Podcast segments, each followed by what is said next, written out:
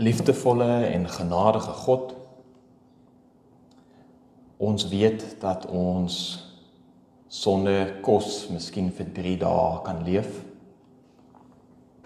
Sonder water miskien vir 1.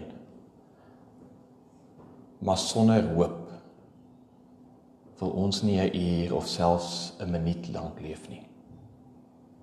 Kan ons nie. Here, U verkondig aan ons die goeie goeie nuus dat U koninkryk kom. Dat dit besig is om aan te breek. Dit kom na ons toe soos blomme en soms deurblomme. Steek vanoggend die vlam van hoop weer in ons harte aan die brand. En mag dit wat met ons gebeur soos ons na die woord luister ook van ons bakens van hoop maak verander. Amen.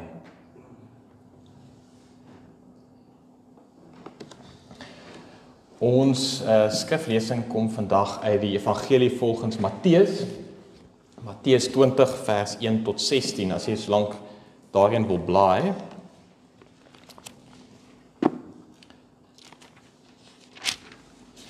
En ehm uh, En dis een van Jesus se gelykenisse. Ek is mal oor die gelykenisse. Dis uh, waarskynlik my gunsteling deel van die uh van die Bybel. En aangesien ons nou oor een van die gelykenisse gaan praat, wil ek miskien net een of twee gedagtes deel oor hierdie stories wat Jesus so graag vertel het. En die eerste belangrike ding om te onthou is dat hierdie uh gelykenisse stories is. En miskien klink dit obvious van selfsprekend, maar uh ek dink dit is belangrik omdat um 'n storie altyd 'n storielyn het. Daar's 'n storielyn wat in tyd en ruimte vloei. Daar is karakters en daar is gebeurtenisse wat in tyd ontvou. En die gebeurtenisse uh uh laat die storie lei dan lyn dan ook uh, so ontvou.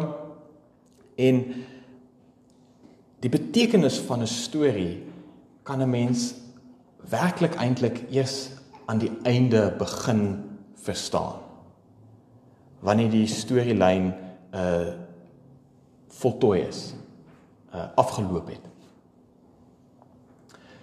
En ek sê dit want 'n mens kan eintlik 'n onderskeid tref tussen verskillende tipe stories. En daar is 'n ander tipe storie waarmee Jesus se gelykenisse dikwels verwar word. En hulle noem dit 'n groot woord is allegorieë. Nou Jesus het ook baie keer 'n allegorie vertel. En 'n goeie voorbeeld daarvan is die saaier wat ehm um, saad gooi en ehm um, Ek sien Annabel skud haar kop sy onthou daai storie. Hy gooi die saad en dan land die saad op verskillende plekke, nê. Nee. Party land op die pad en ander in goeie grond en ander tussen die onkruid en met ander uh, pik die voëls dit weer op en so aan. En Jesus het hierdie storie vertel en na die tyd het hy vir die mense 'n kode gegee om te weet hoe om die storie te interpreteer. Die saad wat op die pad val is dit.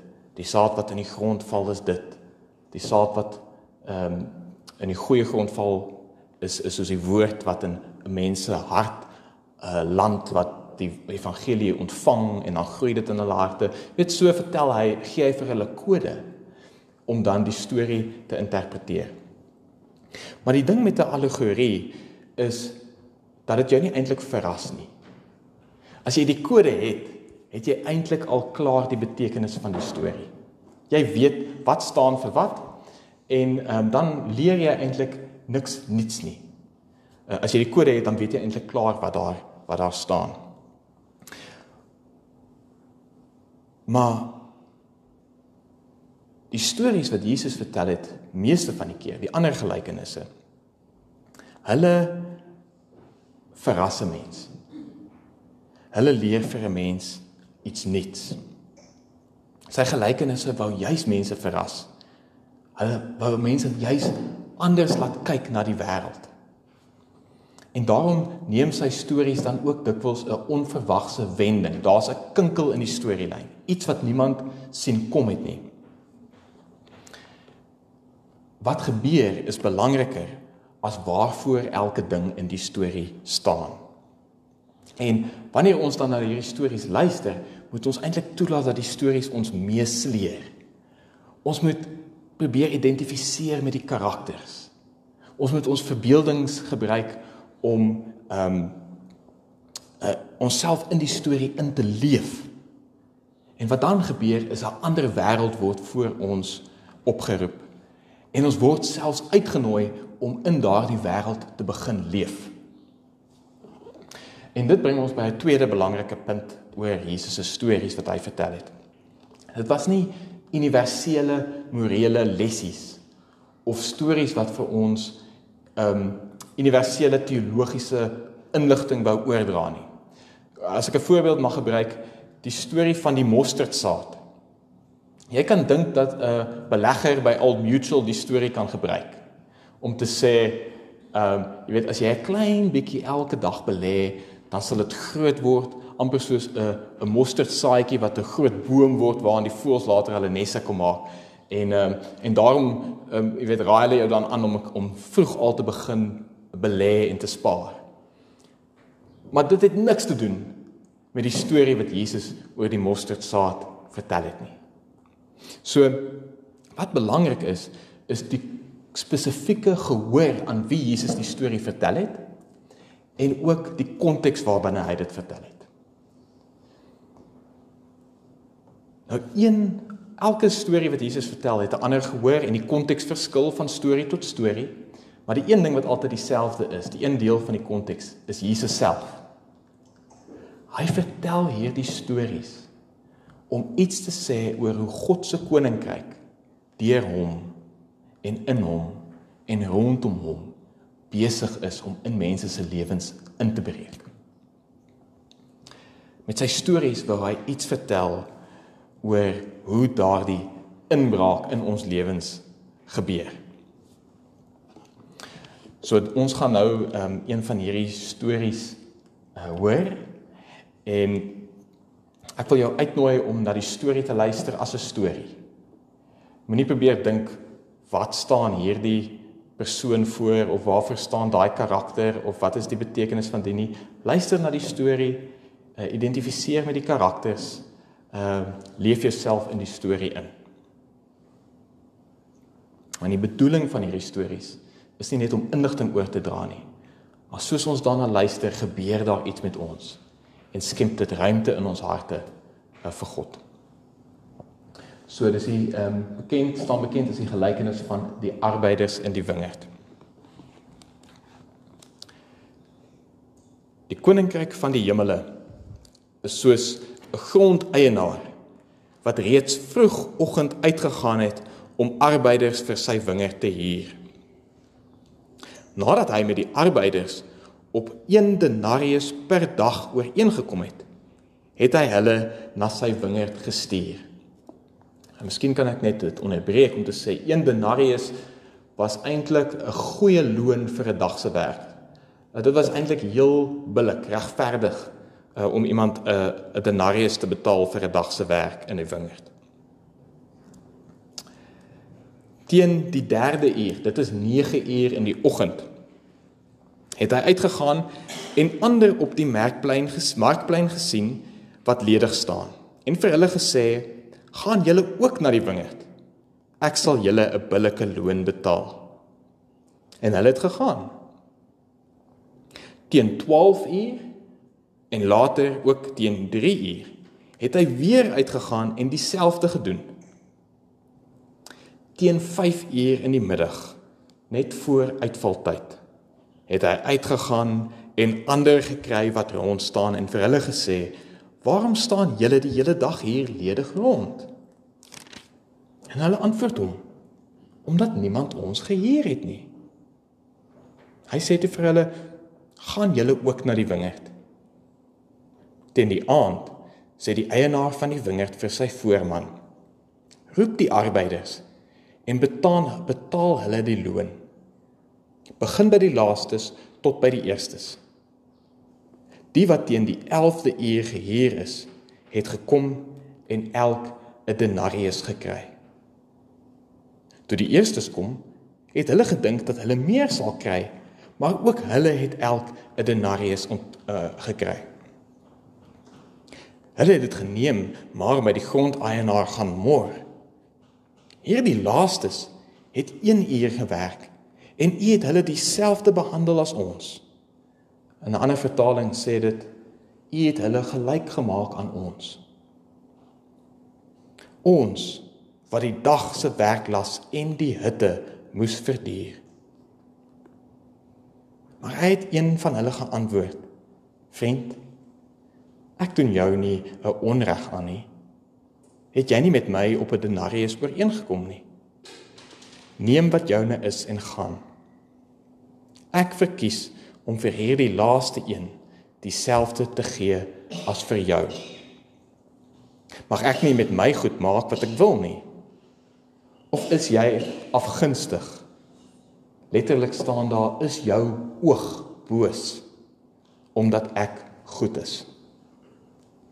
So sal die laastes eerstes wees en die eerstes laaste.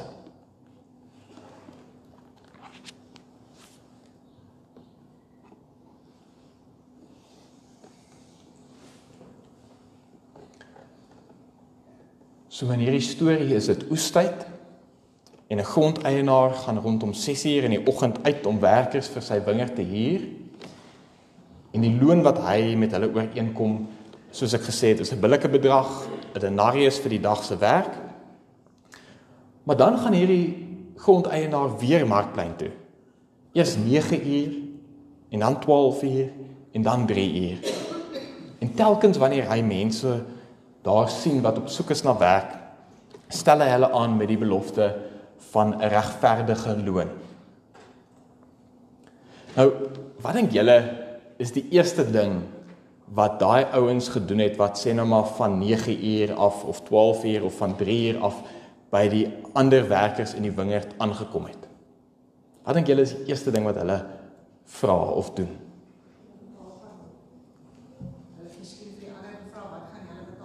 Ja, nee, wat betaal hierdie ou want hy het net vir hulle gesê 'n billike loon. So die eerste ding as hulle daar aankom is wat betaal hierdie ou vir 'n dag se werk? En dan sou hulle gesê het 'n 'n denarius. En dan sou die mense wat later ingeval het begin om sommetjies te maak. 1 gedeel deur 12 maal 9 of maal 6 of maal 3 afhangende van hoe laat in die dag hulle ingeval het. So sou hulle begin bereken hoeveel hulle moontlik aan die einde van die dag teen die aand huis toe sal kan neem. Een of ander breekdeel van 1 denarius. En dan 1 uur voor uitvaltyd gaan die grondeienaar weer markplein toe. En dan weer sien hy 'n groep mense wat daar rond staan, ledig rond staan. En dan vra hy vir hulle, "Maar wat soek julle heeldag hier? Wat staan julle heeldag hier?" omdat niemand ons gehuur het nie. Is hulle antwoord. Nou ek weet nie, miskien het dit met jou ook gebeur, maar toe ek dit hoor, het ek onmiddellik gedink aan iets wat ek amper elke dag sien as 'n mens net hier rondry in die Kaap. Mense wat langs die pad staan op soek na werk. By Builders Warehouse met hulle bordjies, uh, met hulle verfrolle of hierso in Pines is daar selfs kettingsae wat uit die bome uithang.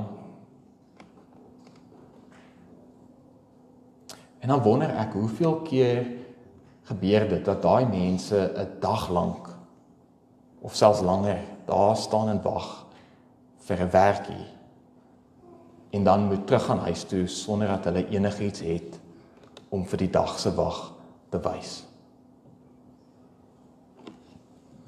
Niemand het ons gehuur nie. Hoekom? Hoekom het niemand hulle gehuur nie? Dit mag wees dat daar net nie genoeg werk was nie. Miskien was hulle opsetlik oorgeslaan. Miskien was hulle te jonk of te oud. Of miskien te swak of te gestreng. Of miskien moes hulle eers die diere voer en die wasgoed was en die kinders by die skool aflaai en toe hulle uiteindelik op die markplein kom, toe is dit te laat. Of miskien moes hulle vroegoggend in die donker al opstaan om betyds by die werk te kom, maar die treine het nie geloop nie.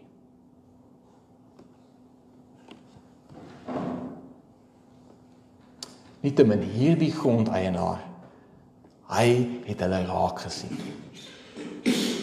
En dan sê hy vir hulle gaan julle sluit julle ook by my wingerd aan. Sonder 'n woord aanvaar hulle hierdie 1 uur se werk.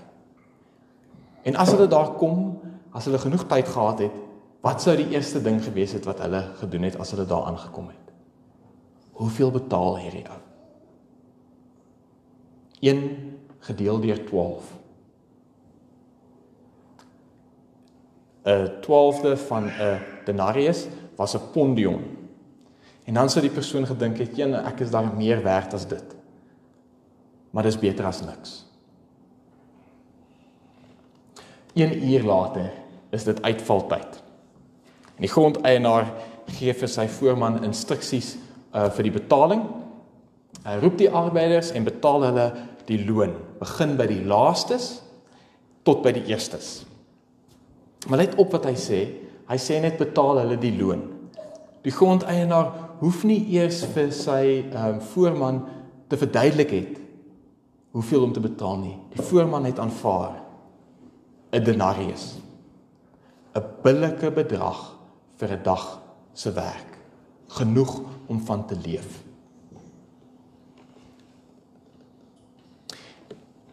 Teen hierdie tyd van die storie begin iets van hierdie grondeienaar se karakter vir ons 'n bietjie duideliker word, nê. Nee. Vreemd dat hy so gereeld na die markplein toe gaan om werkers te gaan soek. Is dit die eerste keer dat hy oes? Weet hy dan nou nie hoeveel werkers hy gaan nodig hê vir die werk nie? Maar een ding is duidelik. Hy's baie regverdig en eerlik. Hy's vrygewig. Nou Jesus se gehoor, uh, hier het hy spesifiek met sy disippels gepraat. Hulle was Joods en hulle het die Bybel baie goed geken en miskien sou Deuteronomium 24 by hulle opgekom het soos hulle geluister het na hierdie storie. Daar staan: Jy mag nie 'n dagloner wat magteloos en behoeftig is uitbuit nie nie een van jou volksgenote of 'n vreemdeling wat in jou dorpe in die land is nie. Jy moet sy loon nog dieselfde dag betaal voor die son oor hom ondergaan, want hy is arm en hy sug daarna. Anders beroep hy hom op die Here teen jou en staan jy skuldig. Nou dit lyk vir my hierdie grondeienaar vervul die wet van Moses. En mense wou byvoeg Hy vervul nie net die letter van die wet nie, maar ook die gees daarvan. Die wet is nie vir hom 'n verskoning om die minimum te doen nie. Die wet is net 'n valnet. Hy maak hoër as dit. Hy betaal nie net betyds nie, maar hy is ook sensitief vir die uitdagings van 'n dagloner se lewe. Hy weet dat 'n dag se wag op die markplein net so uitputtend kan wees indien nie meer nie as 'n dag se werk in die wingerd. Dan maak hy selfs 'n paar oorbodige draaie op die markplein sodat minder van daai dagloners wat nie werk kry nie oorbodig hoef te voel nie. Want dis hoe dit voel as jy nie werk het nie. Jy voel oorbodig. Hy doen eintlik niks merkwaardig nie, maar hy is regverdig, betroubaar, genadig en menslik en miskien vanuit 'n wêreldse perspektief 'n bietjie dwaas of 'n bietjie vreemd. Die enigste spesiale instruksie wat hy gee wanneer die loon betaal word, is ook vreemd. Die laastes moet eers betaal word. En so gebeur dit toe dat die eerstes wat van die oggend af gewerk het, kon sien hoeveel die laastes ontvang. Een denarius, 'n billike loon genoeg om van te lewe. En soos voorheen, wat dink julle het daai eerstes toe begin doen? Hulle het begin sommetjies maak. Wow. Hierdie ou het net 'n uur gewerk en hy kry 'n denarius. 1 maal 12. Wow. 12 denarius. Oor genoeg om van te lewe. Of 9 of 6 of 3. Oor genoeg. Op hulle beurt kry die eerstes egter dieselfde as die laastes. Een denarius, 'n regverdige loon vir 'n dag se werk, genoeg om van te lewe net soos daar met hulle ooreengekom is. En dan storm hulle ontsteld na die grondeienaar toe. Hierdie laastes het net 1 uur gewerk en u het hulle gelyk gemaak aan ons. Ons wat in die dag se werk las en die hutte moes verduur. En die Here van die wingerd het hulle egter geantwoord: Vriend, ek doen jou nie 'n onreg aan nie. Het jy nie met my op 'n denarius ooreengekom nie? Neem wat joune is en gaan. Ek verkies om vir die laaste een dieselfde te gee as vir jou. Mag ek nie doen met my goed soos wat ek wil nie? Of is jou oog boos omdat ek goed is? Hou wonder ek Wat doen hierdie gelykenis, hierdie storie vanoggend met jou? Wat het in jou hart gebeur soos jy daarna geluister het? Wat is die ander wêreld? Die vreemde nuwe wêreld wat dit vir jou wys? Watter beweegruimte skep dit in jou hart vir Jesus om te werk? soos ek hierdie vrae vra, dis nie net retoriese vrae nie. Maar ek dink ek vertrou dat die Gees in elkeen van ons aan die werk is. Maar laat ek iets met julle deel van wat met my gebeur het soos wat ek die week daarna geluister het. Ehm um, en ook as ek 'n mens 'n bietjie van die konteks wat ek vroeër na verwys het ook bybring. Nou die een belangrike deel van die konteks is dat Jesus hier met sy disippels praat. Hy praat met sy vriende, sy volgelinge, nie met teenstanders soos wat hy soms ook uh, stories vertel nie. En hy praat met sy disippels op 'n tyd wat dit vir hulle moeilik is om die vreemde aard van God se koninkryk te snap. Want net voor hierdie storie, julle ken die storie van die kinders wat na Jesus toe wil kom dan is dit die disippels wat hulle verhoed om na Jesus toe te kom. En net daarna is dit die ryk jong man ehm um, wat weggaan wanneer Jesus sê hy moet sy besittings verkoop en aan die armes gee. En dan sê uh, Petrus en die ander disippels vir Jesus: "Maar Here, ons het darm alles opgegee wat ons besit het om U te volg. Wat sal U daarvoor vir ons gee?" En net na hierdie dan vertel Jesus hierdie storie. En net na daai die, die storie uh is dit Jakobus en Johannes wat met mekaar stry oor wie die belangrikste is.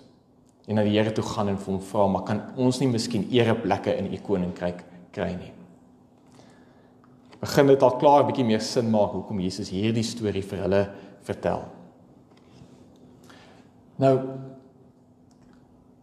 wat vir my uitgestaan het is dat Jesus hierdie storie vertel nie net om met ons te praat oor ons verhouding met God nie, maar met ons verhoudings met mekaar. Dit gaan oor solidariteit. Die disippels het besef dat God se koninkryk gaan oor 'n tipe solidariteit. Maar dit was 'n solidariteit in hulle oë van bo 'n solidariteit van binne. Waarin ons saamtrek met ons mense teenoor hulle. Of waar ons in verhouding tree met die wat bo ons op die ranglys is. Met die wete dat dit miskien vir ons voordele sal inhou voorregte sal inhou dat ons daarbey kan baat vind. Dit is die verhoudings wat saak maak maar in Jesus se koninkryk sien ons iets anders. Dis die solidariteit van 'n gekruisigde Messias. Dit begin onder. Dit begin met die onvoorwaardelike liefde van God.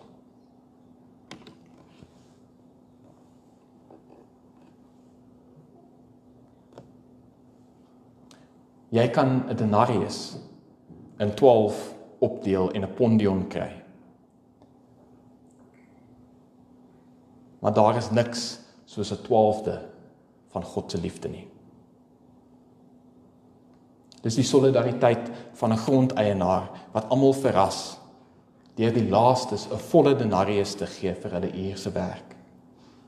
Hy bewys 'n tipe solidariteit van onder. Die eerstes kan hierdie verrassing egter net in terme van 'n bo na onder solidariteit verstaan. En daarom raak hulle so verontwaardig. Hierdie laastes het net 1 uur gewerk. Hoe kan u hulle gelyk maak aan ons? Hulle sien die goedheid van die grondeienaar, maar hulle sien dit met 'n bose oog.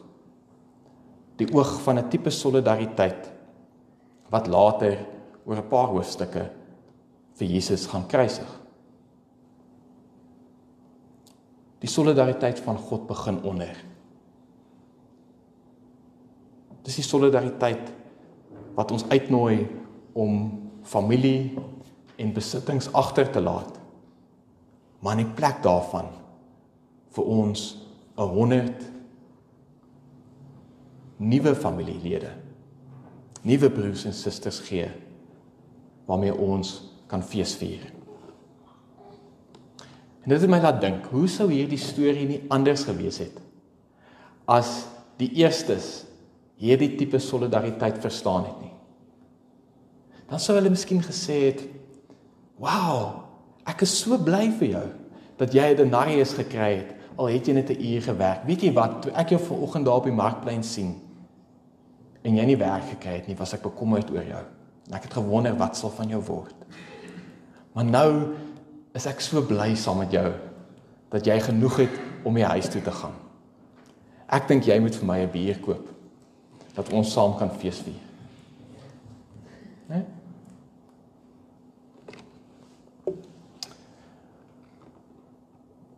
ander tipe solidariteit van onder.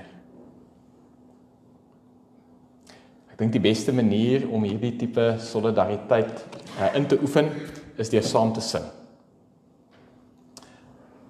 Soek allereers die koninkryk van God.